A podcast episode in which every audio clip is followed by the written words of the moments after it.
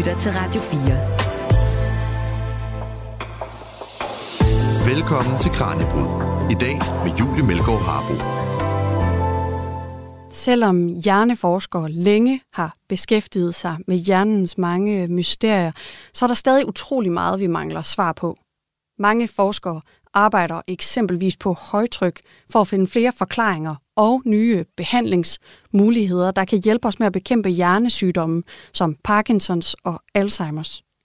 Men hvad hvis et af svarene på en bedre behandling af de her neurodegenerative sygdomme i fremtiden kan findes i vores stamceller? Mikroskopiske, kraftfulde celler, der måske kan reparere vores hjerner. Men hvorfor kommer de måske til at spille en stor rolle, når vi taler om fremtidens muligheder for behandling af hjernesygdomme?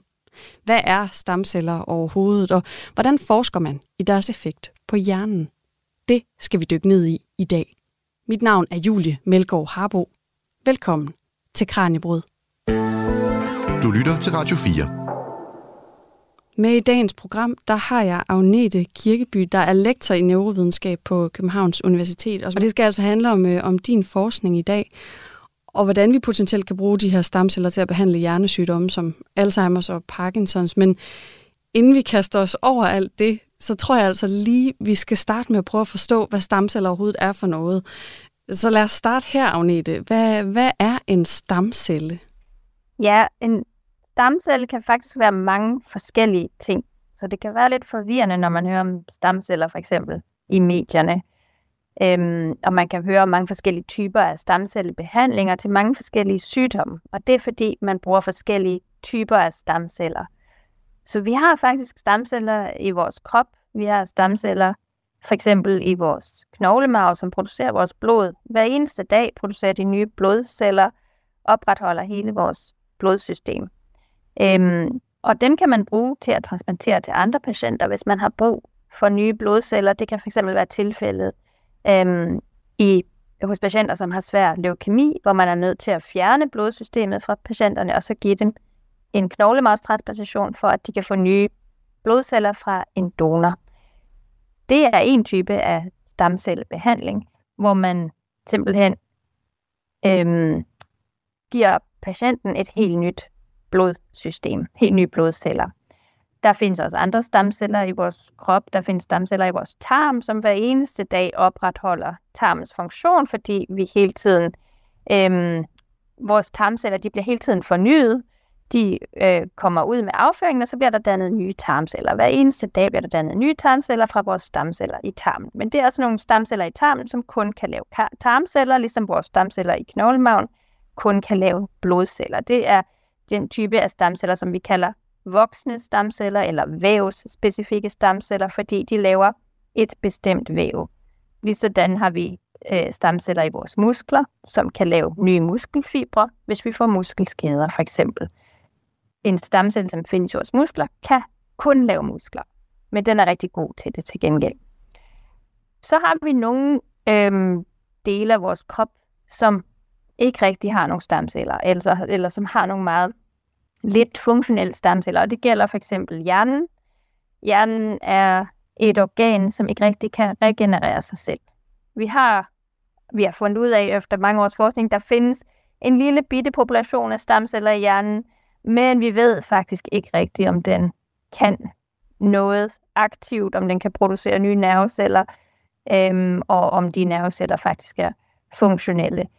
Så generelt anser vi hjernen som et organ, som ikke kan generere nye celler. Det vil sige, når vi mister nerveceller, og det sker for eksempel i neurodegenerative sygdomme, så har vi ikke rigtig nogen mulighed for at gendanne de celler, altså for at lave nye celler, sådan som blodet kan, eller sådan som tarmen kan. Og her har vi så det problem, at, selv, at kroppen kan ikke selv løse det her problem. Altså når vi mister celler i hjernen, så har vi ikke nogen måde at få nye nerveceller på. Og her er det, at vi øh, i vores gruppe, men også mange andre forskere rundt omkring i verden, bruger en anden type af stamceller. Vi bruger de stamceller, som hedder embryonale stamceller. kalder dem også pluripotente stamceller. Embryonale stamceller, de kommer fra det aller, aller tidligste stadie i vores udvikling. Vi skal faktisk rulle tiden helt tilbage til det stadie lige efter, hvor ægget er blevet befrugtet af sædcellen. Og på det stadie i vores udvikling, der har vi nogle celler i det aller, aller tidligste foster, hvor æg, der hvor ægget er blevet befrugtet. de celler, de kommer med tiden til at give ophav til hele kroppen. Det vil sige, de celler lige præcis på det korte stadie i vores udvikling, de har den helt, helt særlige evne, at de har potentiale til at give ophav til alle celler i vores krop. Alle væv, alle organer, alle celletyper. Det er det, vi kalder pluripotens. Det betyder altså, de har et potentiale til at lave rigtig mange forskellige celletyper. Og det er helt unikt. Sådan en celle har vi ikke i vores krop. Når vi bliver født, så findes den celle ikke længere. Hvad er det så for nogle typer, der findes, når vi bliver født? Hvis det her det er de pluripotente, du siger, de kan blive til alle typer celler. Hvad, hvad er det så for nogle typer, vi for eksempel kan finde i knoglemagen eller i tarmen, som du siger, rundt omkring i kroppen? Ja, når vi bliver født, så har vi de samme stamceller, som vi har som voksne. Det vil sige de her vævspecifikke stamceller, som har til opgave at opretholde vores væv under hele livet. Vores knoglemarvstamceller, de opretholder vores blodsystem. De kan kun lave blod, men de er gode til det. Vores tarmstamceller, de opretholder vores tarmsystem. De kan kun lave tarm, men de er gode til det. Det samme i vores muskler. Øhm, og det samme i vores hud for eksempel. Hvis vi får en, øh, en skade på huden, så ved vi, kan vi se, at huden er rigtig god til at reparere sig selv. Men vi har altså ikke stamceller i hjernen, eller i hvert fald ikke nogen, som vi mener gør noget særligt aktivt. Og der findes flere andre væv, som f.eks. hjertet, som heller ikke har stamceller. Og det er derfor, hvis vi skal reparere de her væv, som for eksempel hjertet eller hjernen, så er vi nødt til at gå tilbage til det stadie i udviklingen, hvor vi har de her helt unikke, såkaldte pluripotente stamceller, som kan lave alle væv i kroppen. Og i mange år, der var man ikke i stand til at dyrke de her celler på det her stadie. Det, det, du skal forestille dig, det er et ultra hurtigt stadie i vores udvikling. Det var kun et par dage efter æggets befrugtning, og så forsvinder de faktisk igen, og så begynder de at blive til væv. Så man skal ligesom, øh, man skulle ligesom finde en metode at gå ind lige efter æggets befrugtning, og så fange de her celler, og så finde en måde, hvorpå man kunne dyrke dem i laboratoriet, uden at de mistede deres evne til at kunne lave alle væv. Og det tog faktisk rigtig mange års forskning, før man fandt ud af det, men i slutningen af 1990, der fandt man en metode til at tage de her stamceller.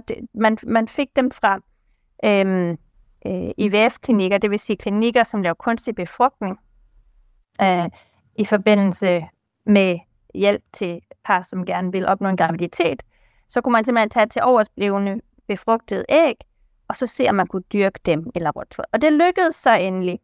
Og så var det, at vi fik den her teknologi, som hedder pluripotente stamceller, eller embryonale stamceller, fordi de kommer fra det tidlige embryo.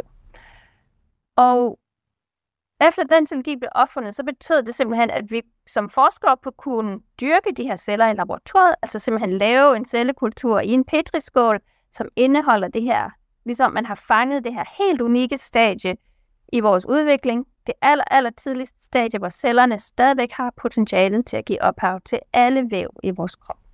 Og det er selvfølgelig en guldmine, for det betyder, at lige pludselig har du en celle, som kan lave de celletyper, som vores egen krop ikke kan lave. Og især når vi taler om hjernen, så er det super værdifuldt, fordi så kan vi faktisk gå ind og lave nye nerveceller i laboratoriet. Nerveceller, som hjernen ikke selv kan lave, når for eksempel hjernen er blevet skadet. Og det er det, vi arbejder med i vores laboratorier. Du nævnte, at udover hjernen, så kan hjertet heller ikke øh, selv lave de her nye celler. Er det også noget, man forsker i? Ikke på dit forskningscenter, men, men andre steder, om, om det kan bruges øh, i forbindelse med hjerte, hjertesygdomme også, det her? Ja, helt absolut. Øh, hjertet og hjernen er øh, de to organer, man har øh, noget af det største fokus på i forhold til stamcellebehandling, netop fordi det er organer, som ofte bliver beskadiget med alderen, og som simpelthen ikke kan reparere sig selv, og vi har lige nu ikke nogen Mm. måder at reparere hverken hjertet eller hjernen på. Og det er derfor, man mener, at de her særlige pluripotente stamceller, de kan måske være nøglen til at kunne reparere øh, væv som hjerte og hjerne. Man kigger også på det i forhold til diabetes, type 1-diabetes, hvor øh, patienterne mister deres insulinproducerende, de såkaldte beta-celler i bugspytkirtlen, og det er også en type af celler, som kroppen ikke selv kan regenerere. Så type 1-diabetes er også en sygdom, der er meget fokus på i forhold til stamcellebehandling. Du nævnte her, øh, du nævnte tidligere, at donation af stamceller, det er noget, man udtager fra knoglemarven. Øh, men der er jo også, ud, man udtager også stamceller fra navlestrengen og, og andre steder fra. Jeg kunne godt tænke mig at dykke lidt ned i det her og sådan skille lidt øh, skidt fra kanel. Altså, hvilke påstande øh, kunne man ønske at komme til liv, som du måske møder som forsker inden for det her felt, i forhold til, hvilke stamceller vi faktisk kan bruge til hvad? Ja, så for det første er det meget vigtigt, at man forstår, at en stamcelle er ikke bare en stamcelle. Der findes mange forskellige typer af stamceller. Så man kan ikke bare tale generelt om stamcellebehandling. Man er nødt til at tale om, hvad er det for en type stamcelle. Så hvis du, øh, hvis du står med et behov for at få nye blodceller, så er en knoglemarvstransplantation øh, en rigtig god idé, fordi knoglemarven kan give ophav til nye blodceller. Men du kan ikke bruge knoglemarven for eksempel til at reparere din hjerne, eller til at reparere dit hjerte, eller andre væv i kroppen. Øhm, og det er vigtigt at forstå, fordi der findes for eksempel private klinikker, som påstår, at de kan øhm, behandle mange forskellige sygdomme med stamceller. Men det bliver ikke rigtig forklaret, hvad er det for nogle stamceller, og hvordan kan de egentlig behandle det her sygdom. Det er sådan lidt nogle åbne påstande, som der ikke rigtig findes evidens for.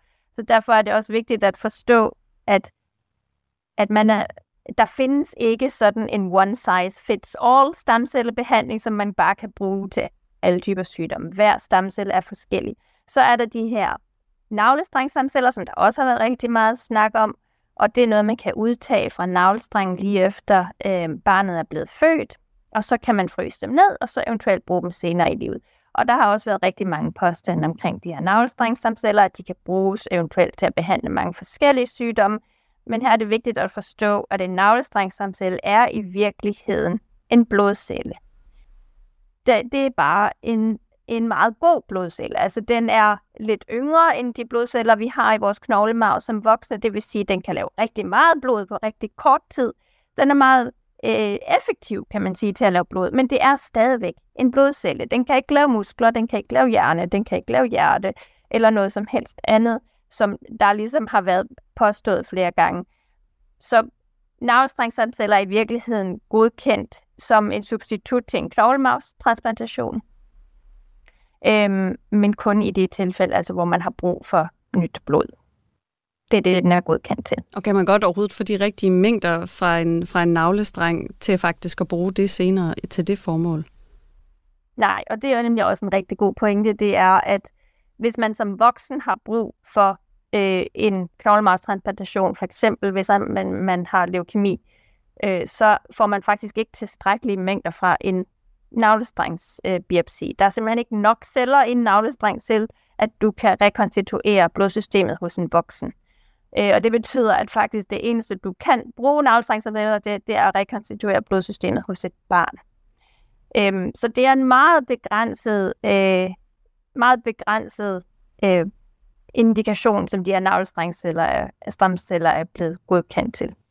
Og om et øjeblik, så skal vi altså øh, dykke lidt mere ned i, hvorfor stamcellerne de altså måske kan bruges til at reparere vores øh, hjerner og til at behandle de her hjernesygdomme, som for eksempel Alzheimer's og Parkinsons. Du lytter til Kranjebrud på Radio 4.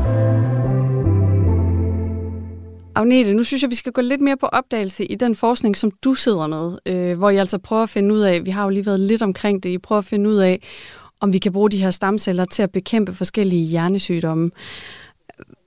Hvilket potentiale er det, du ser, at de her stamceller har i forhold til at behandle hjernesygdomme? Altså, hvorfor, hvorfor er de så lovende, når det handler om at bekæmpe de her hjernesygdomme, som vi ellers har ret svært ved at, at få bugt med? Ja, så nu har vi talt lidt om de stamceller, som findes i vores krop, som er gode til at lave blod, muskel, hud, tarm. Men vi mangler de her stamceller, som kan reparere vores hjerne. Og her er det, vi skal tilbage, bruge de her helt særlige, embryonale, pluripotente stamceller, som kommer fra det aller tidligste øhm, del af vores udvikling, fra de lige efter ægget er blevet befrugtet. Så dyrker vi dem i laboratoriet. Og det her, de her, den her type af celler, det er altså en helt unik type af celler, fordi det er de eneste celler, som kan lave menneskelige nerveceller. Så hvis vi gerne vil reparere hjernen, eftersom hjernen ikke selv kan, så er det her simpelthen den eneste celletype, som kan. Så derfor, da vi fik adgang til den her teknologi med de embryonale stamceller, så for første gang, så kunne vi lave menneskelige nerveceller i laboratoriet. Og det er brugbart til visse sygdomme, hvor vi ved, at øhm, tabet af bestemte typer af nerveceller forårsager øh, stærke symptomer hos patienterne. Og en af de sygdomme, som vi har forsket rigtig meget i i vores gruppe, sammen med en masse andre samarbejdspartnere, det er Parkinsons sygdom. Øh, Parkinsons sygdom er en type af neurodegenerativ sygdom, hvor man mister øh, bestemte nerveceller. Hvor Alzheimer's forårsager kognitive symptomer, så forårsager Parkinsons primært motoriske symptomer. Det vil sige, at patienterne har svært ved at bevæge sig, de får de her typiske rystelser, og har svært ved at, øh, øh, at opretholde en ordentlig muskeltonus, det vil sige, at de har svært ved at rejse sig op, og svært ved at udføre hurtige bevægelser. Og med tiden, så bliver det, de her symptomer så værre og værre. Og det vi ved, det er, at Parkinsons sygdom, symptomerne på de her motoriske symptomer i, øh, i Parkinsons sygdom, de forårsages primært af, at patienterne mister en helt særlig type af nerveceller, som hedder de dopaminproducerende nerveceller. Det vil sige nerveceller, som producerer det signalstof, som hedder dopamin. Når øhm, Parkinsons patienter mister de her nerveceller, så forårsager det, det her, den her mangel på kontrol over det motoriske system. Fordi dopamin er enormt vigtig i den kommunikation, som hjernen har med resten af din krop. Man kan så i starten af Parkinsons sygdom, så kan man behandle de her patienter med øh, lægemidler, som ligesom booster dopaminsystemet, som øger produktionen af dopamin fra de tilbageværende celler, eller som øger responset til dopamin. Og det virker rimelig godt. Men det, der så sker med tiden, det er, at øhm, i hjernen hos Parkinsons patienter, så mister de gradvist øh, flere og flere af de her dopaminproducerende celler, og til sidst er der faktisk ikke rigtig nogen tilbage. Og når der ikke er nogen tilbage, så er der heller ikke noget, du kan booste længere. Og så begynder medicinen gradvist at aftage i effekt, og patienterne får flere og flere bivirkninger af medicinen.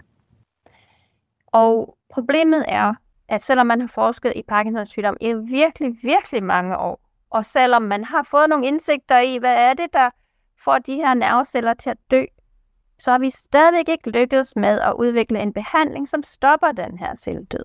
Desværre. Det ville jo være absolut det bedste, hvis vi kunne stoppe celledøden, og så vil patienterne ikke få forværret symptomer. Men det har vi ikke.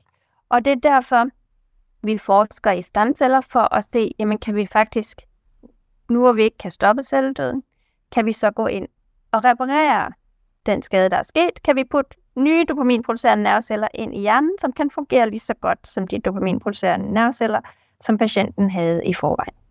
Og for at kunne gøre det, så er vi nødt til at bruge de her embryonale stamceller i laboratoriet og få dem til at blive til dopaminproducerende nerveceller, som vi så kan transplantere. Er det det samme, der er på spil i Alzheimers patienter, som nu har vi talt om de her dopaminproducerende nerveceller i hjernen hos Parkinson-patienter øh, og om, om celledøden her. Er det det samme, der er på spil i en, i en hjerne, der har Alzheimers? Ja, øh, Alzheimers er en lidt større udfordring, fordi Alzheimers rammer meget bredt i hjernen. Øh, Alzheimers forårsager celledød i store områder af hjernen. Hele cortex for eksempel øh, mister nerveceller. Så her snakker vi millioner af nerveceller, som går tabt. Og det er set fra et praktisk synspunkt meget sværere at reparere på et kæmpe område af hjernen, end det er at reparere på et lille område af hjernen. Øh, så der er også forskere, der forsker i Alzheimer's. Det er bare ikke noget helt lige så langt som den forskning, der er i Parkinsons. Og det skyldes, at den store forskel på Alzheimer's og Parkinsons er, at øh, den, de nerveceller, som dør i Parkinsons, det er et meget mindre område af hjernen, og det er en meget mindre population, og det er en meget mere specifik population. Vi ved, hvad der er for nogle celler, det er de her dopaminproducerende celler. Vi estimerer, at det drejer sig om, at man mister cirka øh, i alt omkring en halv million nerveceller. I alt. Og det er altså et, et tal, som er, vi nemt kan lave i laboratoriet. Vi kan nemt lave den her mængde af nye nerveceller i laboratoriet, og plus at vi ved præcis, hvor de sidder henne i hjernen. Så ud fra et øh, forskningsmæssigt synspunkt er det nemmere at lave en stamcellebehandling til Parkinsons, end det er til Alzheimer, som omfatter et meget stor del af hjernen. Og inden vi lige skal tale lidt mere om, hvad det, hvad det så er, I prøver at udvikle i forhold til nye behandlingstyper, så, så kunne jeg godt tænke mig lige at dykke lidt ned i, hvordan behandlingen ser ud lige nu for de her patientgrupper. Øh, for du nævnte, du nævnte kort før, at Parkinsons, der behandler man måske med noget, øh, der tilfører dopamin til hjernen, den dopamin, som de her nerveceller så ikke kan producere. Hvordan behandler man ellers mod de her hjernesygdomme? Ja, så øh, det er typisk de her dopaminmodulerende behandlinger, som er øh, det, som Parkinsons patienter først bliver tilbudt. Det, det er for eksempel det, der hedder L-Dopa, som er øh, en type af medicin, som kan gå ind og øge dopaminproduktionen fra de tilbageværende celler. Og L-Dopa virker faktisk virkelig godt i rigtig mange Parkinsons patienter, og næsten de fleste Parkinsons patienter bliver tilbudt det og får at bruge den her behandling. Men effekten begynder så at aftage efterhånden, som patienten mister flere og flere nerveceller. Det kan, øh, en anden type behandling kan være dopaminagonister, det vil sige øh, lægemidler, som går ind og binder til dopaminreceptoren og ligesom ligner dopamin. Så simulerer effekten af dopamin. Øhm, og det kan man bruge til ligesom at booste dopaminresponset i den der fase, hvor man stadigvæk har dopaminproduktion, men igen så aftager effekten, når man får flere og flere bivirkninger i, i takt med, at patienten mister sin egen dopaminproduktion. Øhm, og det skal lige siges, at øh, et lægemiddel som Aldopa, det blev faktisk udviklet allerede i 50'erne, og det er stadigvæk det mest brugte lægemiddel for Parkinsons patienter. Øh, så det viser også bare, hvor utroligt svært det er at udvikle helt nye typer af lægemidler øh, til de her hjernesygdomme. Men det er vel også, fordi der stadig er så meget omkring de her sygdomme og udviklingen af dem, som man ikke har svar på. Altså man ved ikke præcis, hvorfor de udvikler sig, som de gør, eller hvilken vej gennem kroppen de faktisk rejser, når de udvikler sig, de her sygdomme. Så er det også svært at udvikle medicin til det, kunne jeg få, og behandling til det, kunne jeg forestille mig. Helt klart, øh, og, og det tænker jeg også er noget, øh, vi kan vende tilbage til, men det er faktisk også noget, man kan bruge stamceller til. Altså man kan bruge dem til både til at reparere på hjernen, man kan også bruge dem til at efterligne sygdomme i laboratoriet, som dyremodellerne måske ikke efterligner særlig godt, fordi dyremodellerne er ikke, øh, har ikke menneskelige hjerner, har ikke menneskelige nerveceller. Vi har faktisk svært ved for mange af de her sygdomme at lave gode dyrmodeller, og her kan man bruge stamcellerne som en form for minimodel i laboratoriet til at efterligne menneskelige hjernesygdomme.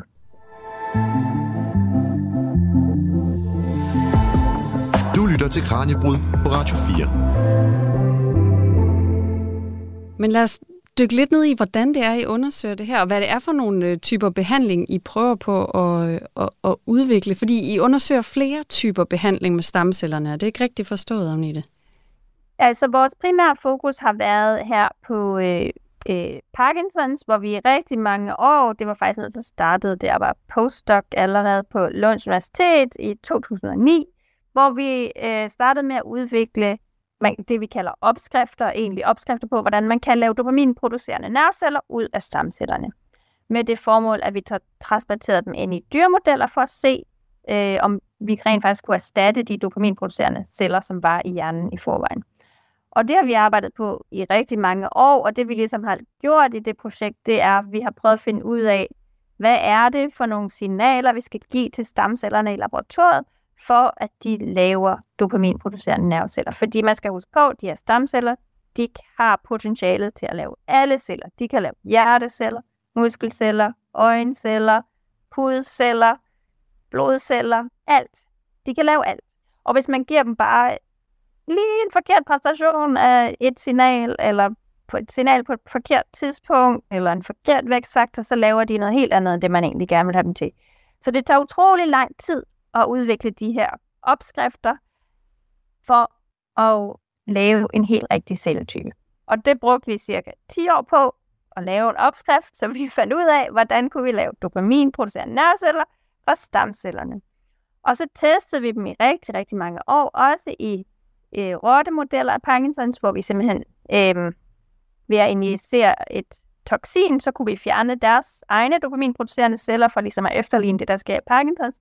Og så kunne vi transplantere nye nerveceller ind i hjernen på dem, som vi havde produceret i laboratoriet.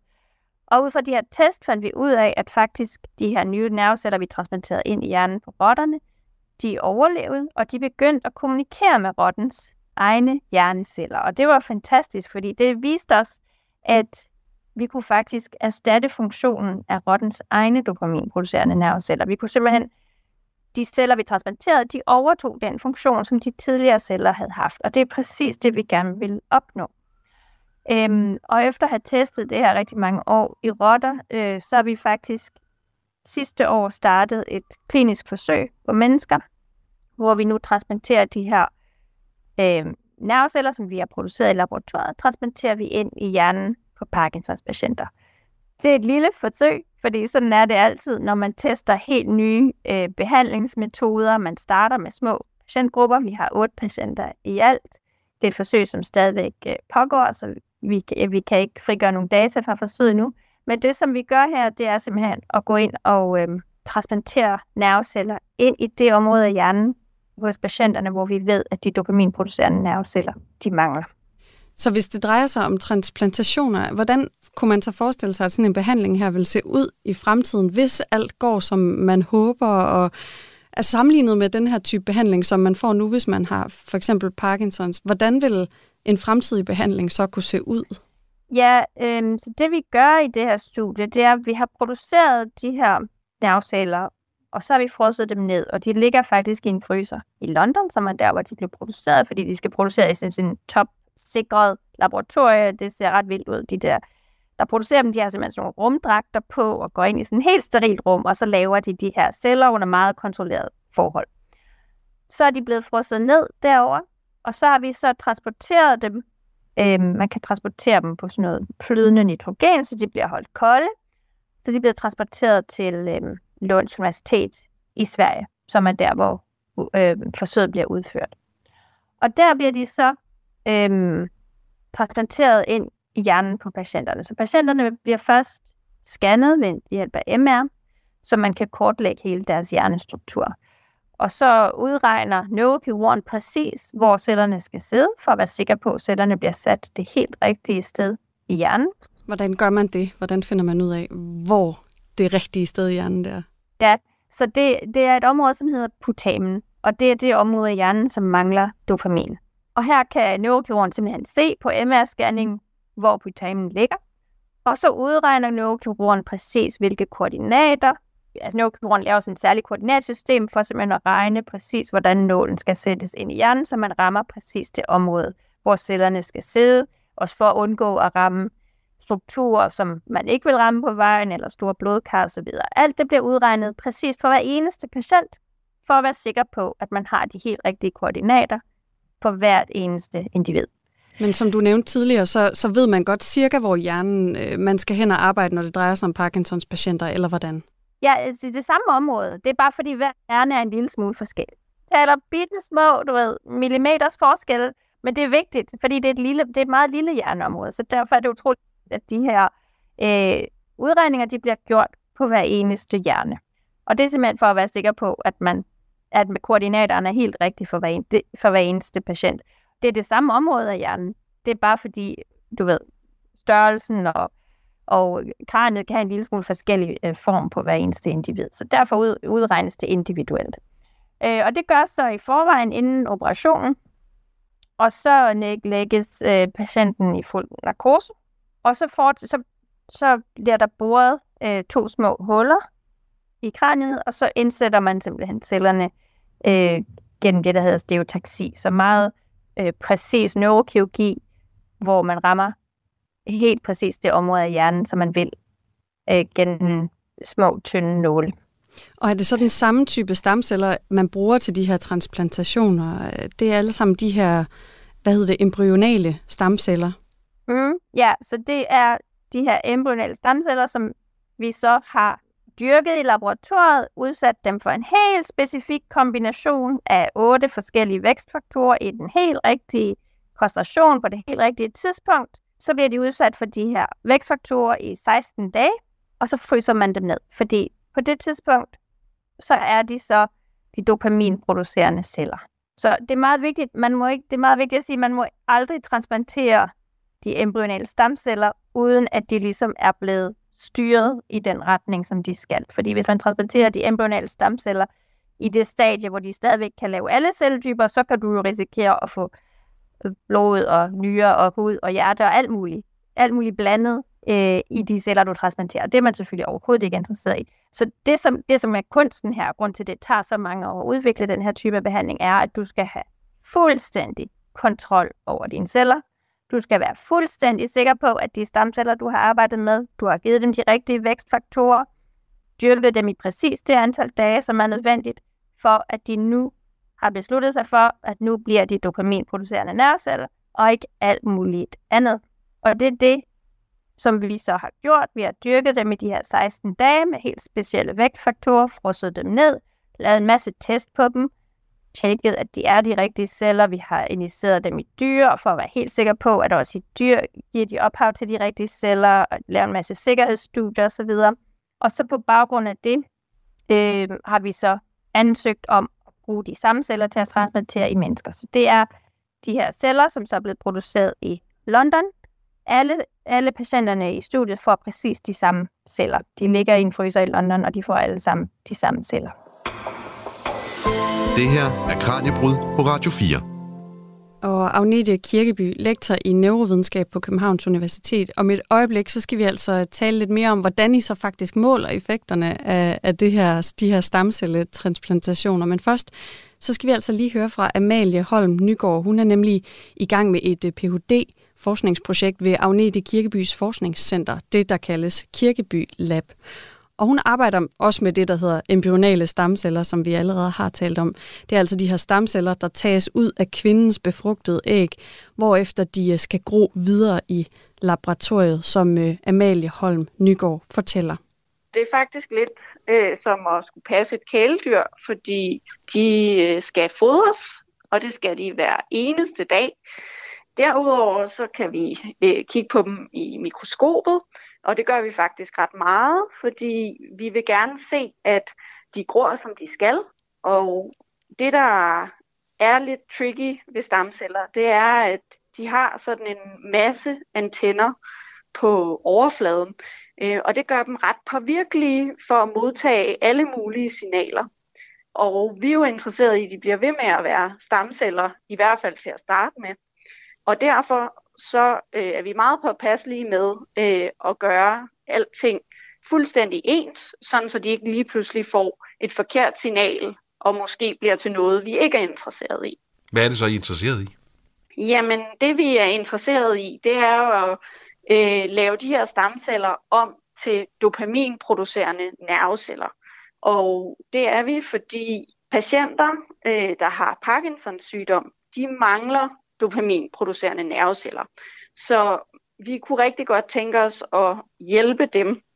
Og i mit projekt, der prøver jeg så at guide de her stamceller i løbet af 30 til 60 dage i laboratoriet øh, gennem en hvad skal man sige, rejse, hvor de skal tage nogle beslutninger, der hele tiden kan få dem til at komme et skridt tættere på at blive en dopaminproducerende nervecelle, eller et skridt længere væk.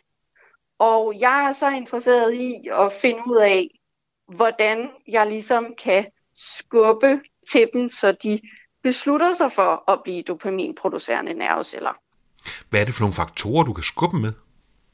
Vi bruger det, vi sådan bredt kalder vækstfaktorer, og det kan vi tilsætte til mediet, og de vækstfaktorer, de går ligesom ind og påvirker eller rammer de antenner, som cellerne har på overfladen. Og vækstfaktorerne, det er forskellige molekyler, så det er ikke noget, vi kan se. Det er, vi er på et meget, meget øh, sådan mikroskopisk niveau. Altså kan du nævne et eksempel på, på sådan en, en vækstfaktor på, på det niveau? Øh, ja, en af de ting, som vi ved virker øh, i vores kultur, det er at tilsætte det, der hedder ascorbinsyre, som faktisk er en antioxidant.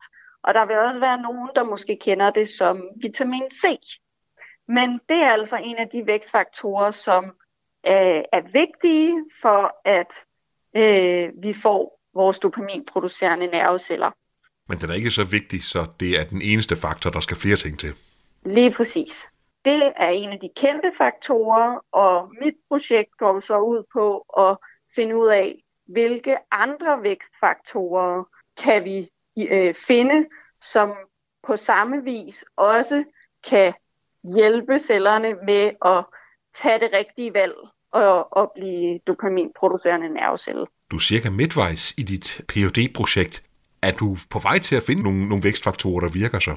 Øh, ja, vi har allerede identificeret to ting, som øh, giver os øh, flere dopaminproducerende nerveceller, og det er nogle ting, vi sådan set har fundet ved hjælp af at snakke med vores kollegaer, øh, som arbejder inden for samme felt, og så anvende det i vores kultur og få indstillet timingen helt rigtigt, så det passer øh, på vores celler også. Det fortalte Ph.D.-studerende Amalie Holm Nygaard fra Agnete Kirkebys Forskningscenter Kirkeby Lab til min kollega Kasper Fris. Agnete, vi har jo talt en, en del om de her embryonale stamceller, som altså tages ud af kvindens befrugtede æg. Og det er jo faktisk forbudt i nogle lande, øh, der er mere domineret af religion end Danmark, fordi det sådan ligesom er på kanten af, hvad nogle religioner vil acceptere i videnskabens navn. Hvorfor er det her så kontroversielt, i hvert fald i nogle kreds? Det kunne jeg godt lige tænke mig at, at vende. Ja, det er rigtigt, at øh, de her embryonale stamceller, de er kontroversielle i visse lande, øh, især i katol- katolsk funderede lande. Øhm, det er ikke så meget en debat herhjemme eller i Skandinavien i det hele taget, øh, hvor vi heller ikke har nogen restriktioner på at arbejde med embryonale stamceller, som nogle af vores kolleger i andre lande har. Øh, det er vigtigt her at forklare, at embryonale stamceller de bliver udtaget fra IVF-klinikker, det vil sige fra til oversblevende befrugtede æg.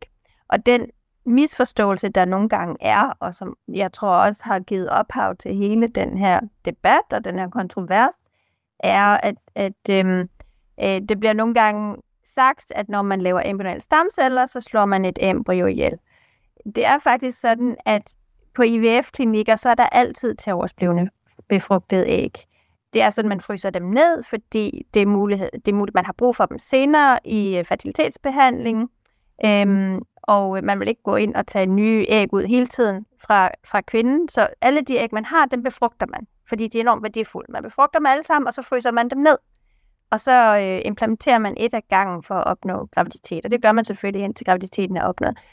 Det betyder, at til sidst, øh, når fertilitetsbehandlingen er overstået, så er der rigtig ofte til oversblevende befrugtet æg i fryseren.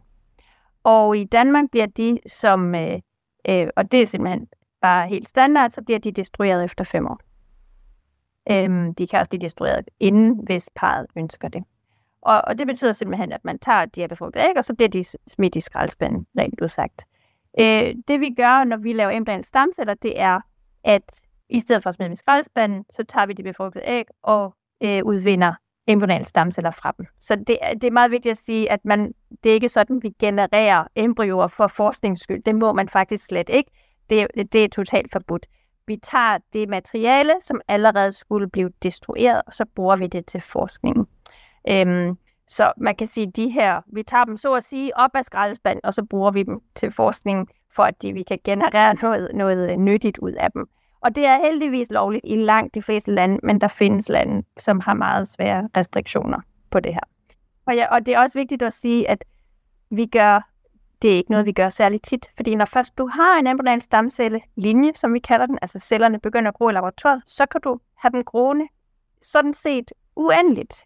Og du kan dele de her celler med dine andre forskerkolleger, fordi de bliver ved med at dele sig.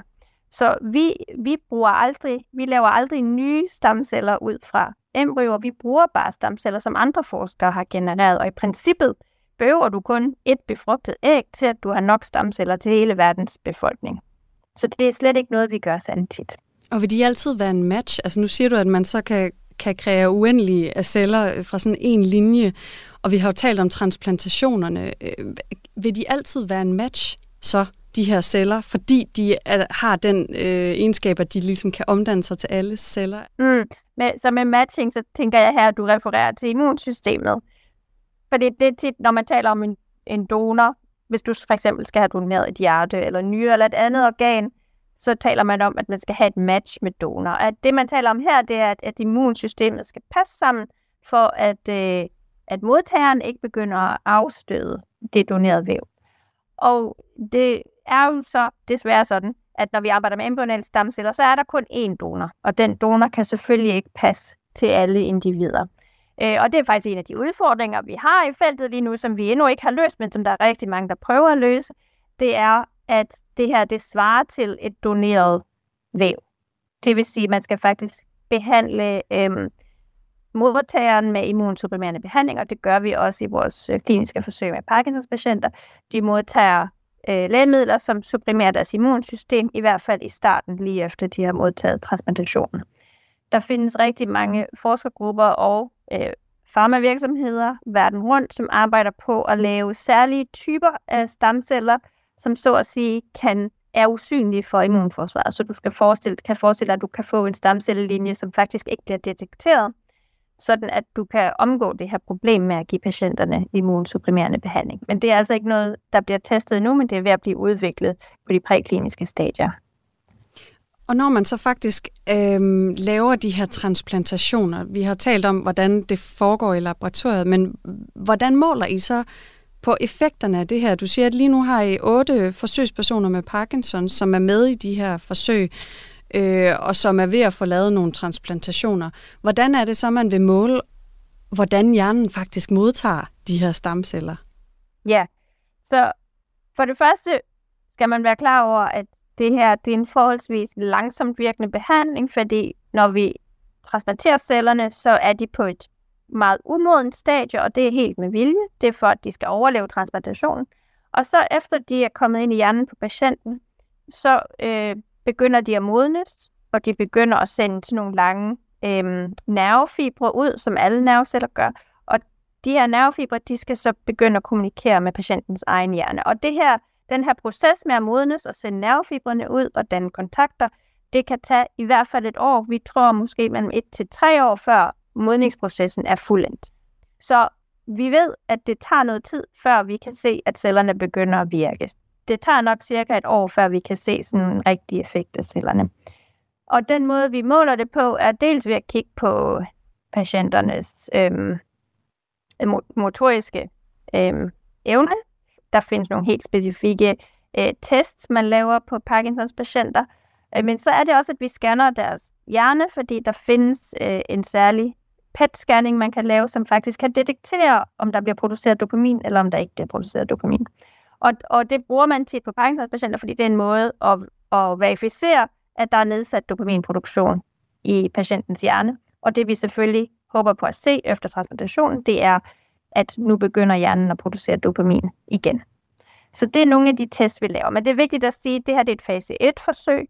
I et fase 1-forsøg, der er det primære formål altid at se, om behandlingen er sikker. Og det er også derfor, det er et meget lille antal patienter. Så først og fremmest så er vi på, at, at øh, der ikke er nogen alvorlige bivirkninger ved behandlingen. Øhm, og hvis det øh, opnås, når, når studiet er færdigt, så kan man så gå videre til fase 2 og fase 3, hvor man har flere patienter, og hvor man kan kigge bedre på effekten af behandlingen. Ja, som du selv siger her, så er I fase 1, så I står altså ikke med en masse sådan, resultater i hænderne øh, på nuværende tidspunkt, Agnete. Men hvordan er det, man håber, at det her det vil påvirke patienterne? Altså regner man med, at det vil bremse en sygdom, eller håber man på, at det faktisk kan genskabe nogle evner, der ellers var tabt?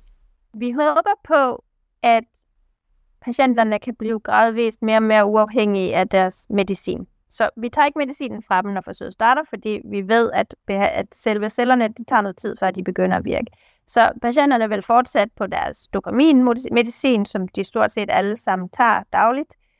Øhm, men så følger vi dem meget tæt, så de vil tit komme til deres neurolog og ligesom evaluere, hvordan går det med doseringen af medicinen? Skal vi, skal vi kalibrere? Skal vi ændre doseringen? Skal du have en anden medicin? Og så optimerer man hele tiden på, på patientens medicinering. Det vi håber på at se, det er, at patienterne gradvist trapper ned i deres dosis, og måske endda kan blive helt uafhængige af den her daglige dopaminmedicin, sådan at de kan fungere normalt motorisk, uden at skulle tage de her dopaminmedicin hver eneste dag.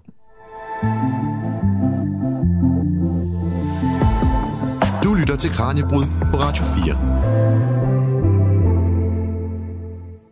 Hvis det viser sig, at det her det, det har rigtig gode effekter, og, og det viser sig, at der ikke er en hel masse bivirkninger, det viser sig, at det skal måske være fremtidens behandling at lave de her transplantationer, er der så udfordringer forbundet med at opskalere? Er det her noget, vi nemt vil kunne, øh, kunne føre videre ud i sundhedsvæsenet, hvis det viser sig at have en rigtig god effekt, og at der ikke er mange bivirkninger? Kan vi godt skalere op for sådan en behandlingstype her?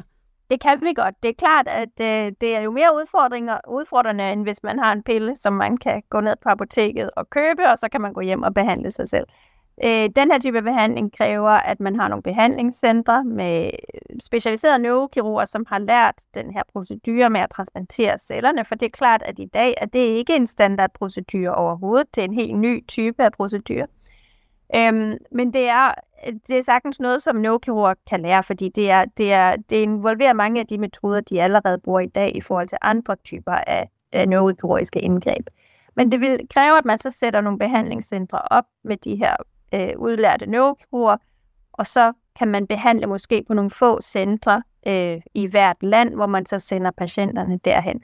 Allerede i dag er der en neurokirurgisk behandling for Parkinsons øh, patienter, som hedder Deep Brain Stimulation, eller DBS, hvor patienterne får indsat en elektrode i hjernen. Øhm, og det er i dag nok en af de bedste behandlinger, vi har for Parkinsons sygdom. Og det er også noget, som er centreret på nogle få centre med nogle specialiserede neurokirurger, og det vil typisk være den samme type af som kunne udføre den her øh, stamcelletransplantation. Som du nævnte tidligere, så er I jo ikke de eneste, der, der laver den her type forskning lige nu. Altså, hvis du kigger ud til dine udenlandske kollegaer, øh, som også har begyndt at få øjnene op for stamcellernes potentiale, hvordan arbejder jeres udenlandske kollegaer så med at knække den her nød til, til den her type behandling? Arbejder de anderledes med den her forskning?